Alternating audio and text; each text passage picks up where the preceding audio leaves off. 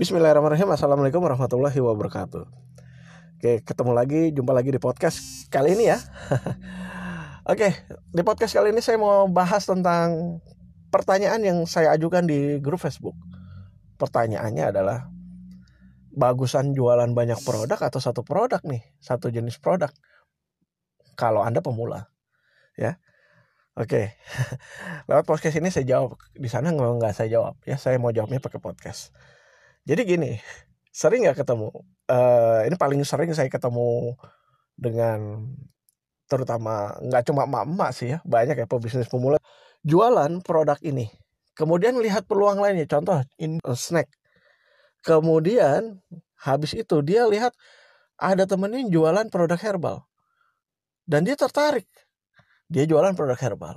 Nggak lama ada ditawarin jualan produk uh, kosmetik dia jualan produk kosmetik. Nggak lama ada peluang baru lagi jualan produk edukasi, buku-buku bisnis contoh. Dia jualan juga. Jadi ketika di jualanmu apa? Ada ini, ada ini, ada ini, ada ini. Apa lu lu butuh gua ada, apa lu gak ada? Salahkah mereka yang jualannya banyak macamnya seperti itu? Tidak salah kalau memang mereka tujuannya hanya berjualan. Ya, namanya orang jualan kan tujuannya ya produknya barangnya laku, terjual. Selesai.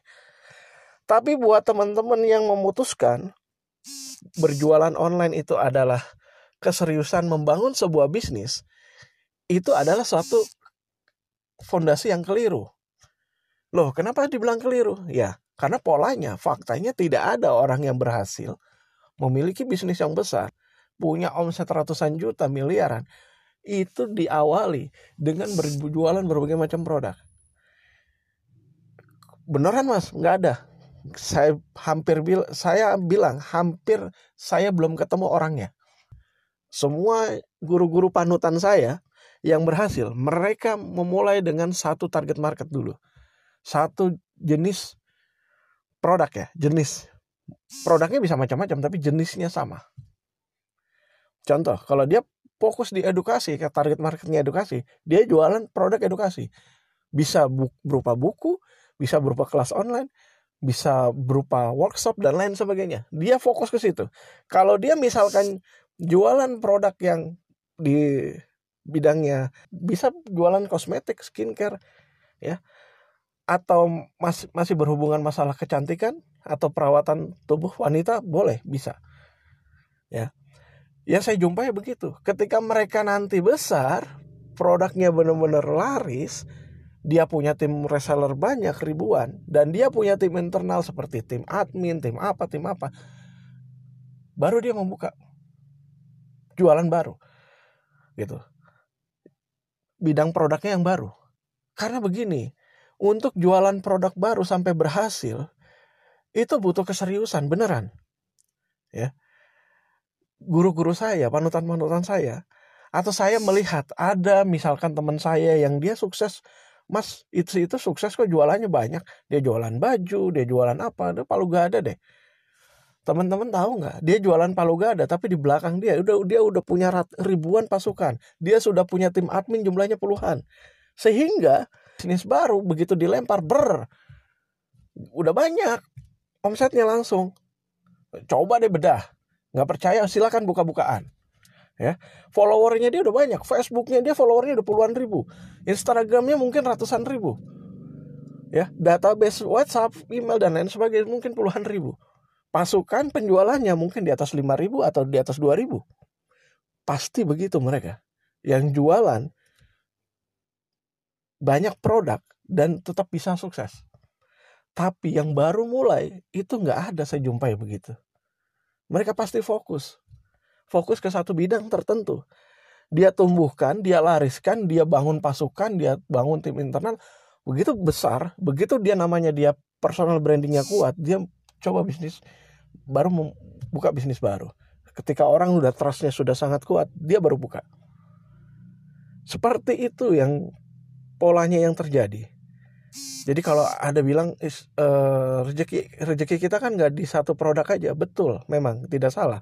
Anda menjualan banyak produk tidak ada masalah. Kalau emang orientasinya hanya berjualan. Kalau orientasinya membangun bisnis itu beda cerita.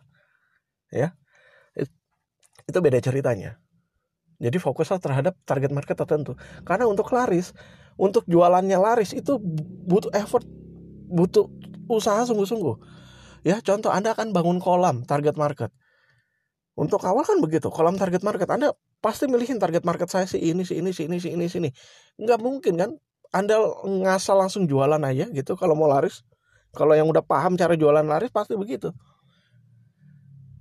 Oh target marketnya buat produk ini ini ini ini ini ini. Anda kumpulin, Anda buat kolam, baru Anda edukasi, edukasi baru jualin. Nah sekarang kalau target marketnya beda, misalkan Anda jual herbal, Anda jual uh, edukasi, Anda jual snack, itu target marketnya udah beda. Oh nanti Anda jualan snack pakai Facebooknya ini, Instagramnya ini. Oh jualan ini pakai ini ini. Sekarang siapa yang bisa ngelola banyak akun begitu? Gitu. Akun yang berbeda-beda nggak bisa. Mau dicampur aduk rusak personal brandingnya. Nggak jelas. Maka itu bangunlah satu satu target market dulu ya nggak salah nggak ada nggak dosa memang untuk jualan palu gada kalau di awal anda akan capek anda akan capek beneran ya anda boleh tanya, mungkin pendapat saya uh, begini, tapi Anda boleh tanya guru-guru saya yang panutan-panutan saya yang sudah berhasil. Mereka membangun bisnisnya sampai punya nama besar, personal brandingnya kuat. Itu beberapa tahun. Contoh, ya salah satu guru saya Kang Dewa. Beliau di awal itu nggak langsung jualannya seperti sekarang. Saya langsung sebut namanya ya, Kang Dewa Kang Dewa sekarang bisnisnya banyak. Edukasi, kemudian kosmetik, hijab, snack, uh, herbal, dan lain-lain. Banyak banget. Tapi tahukah Anda ketika awal Kang Dewa memulai sampai punya personal brand kuat, beliau fokus di mana? Apakah beliau langsung banyak jualannya? Silahkan tanya saja sama beliau. Anda mau lainnya silahkan cari pebisnis yang berhasil ya, pebisnis online ya apa yang mereka lakukan mereka menumbuhkan dulu bisnisnya di awal baru ketika sudah tumbuh sudah besar baru mereka membuka keran bisnis lain kenapa karena bisnis yang baru itu nanti akan disubsidi awalnya sama yang bisnis uh, yang sudah lama. Kalau perlu disubsidi kalau udah sangat kuat persoalan brandingnya biasanya nggak perlu subsidi udah jalan kenceng sendiri gitu ya.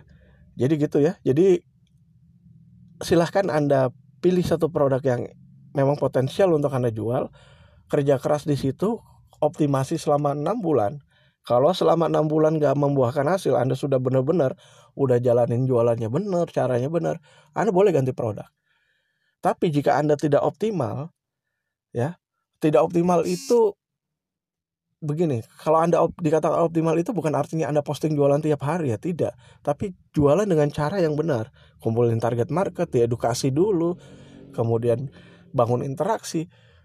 Nah, itu yang yang benar sudah optimasi dengan benar selama enam bulan, nggak ada hasil boleh. Tapi kalau belum melakukan itu selama enam bulan, kemudian Anda udah ganti-ganti produk itu keliru banget.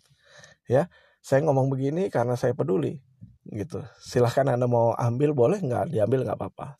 Ya itu aja deh sharing dari saya. Semoga teman-teman ini bermanfaat semoga bisa memberi pencerahan maju terus buat teman-teman yang berbisnis. Sukses ya assalamualaikum warahmatullahi wabarakatuh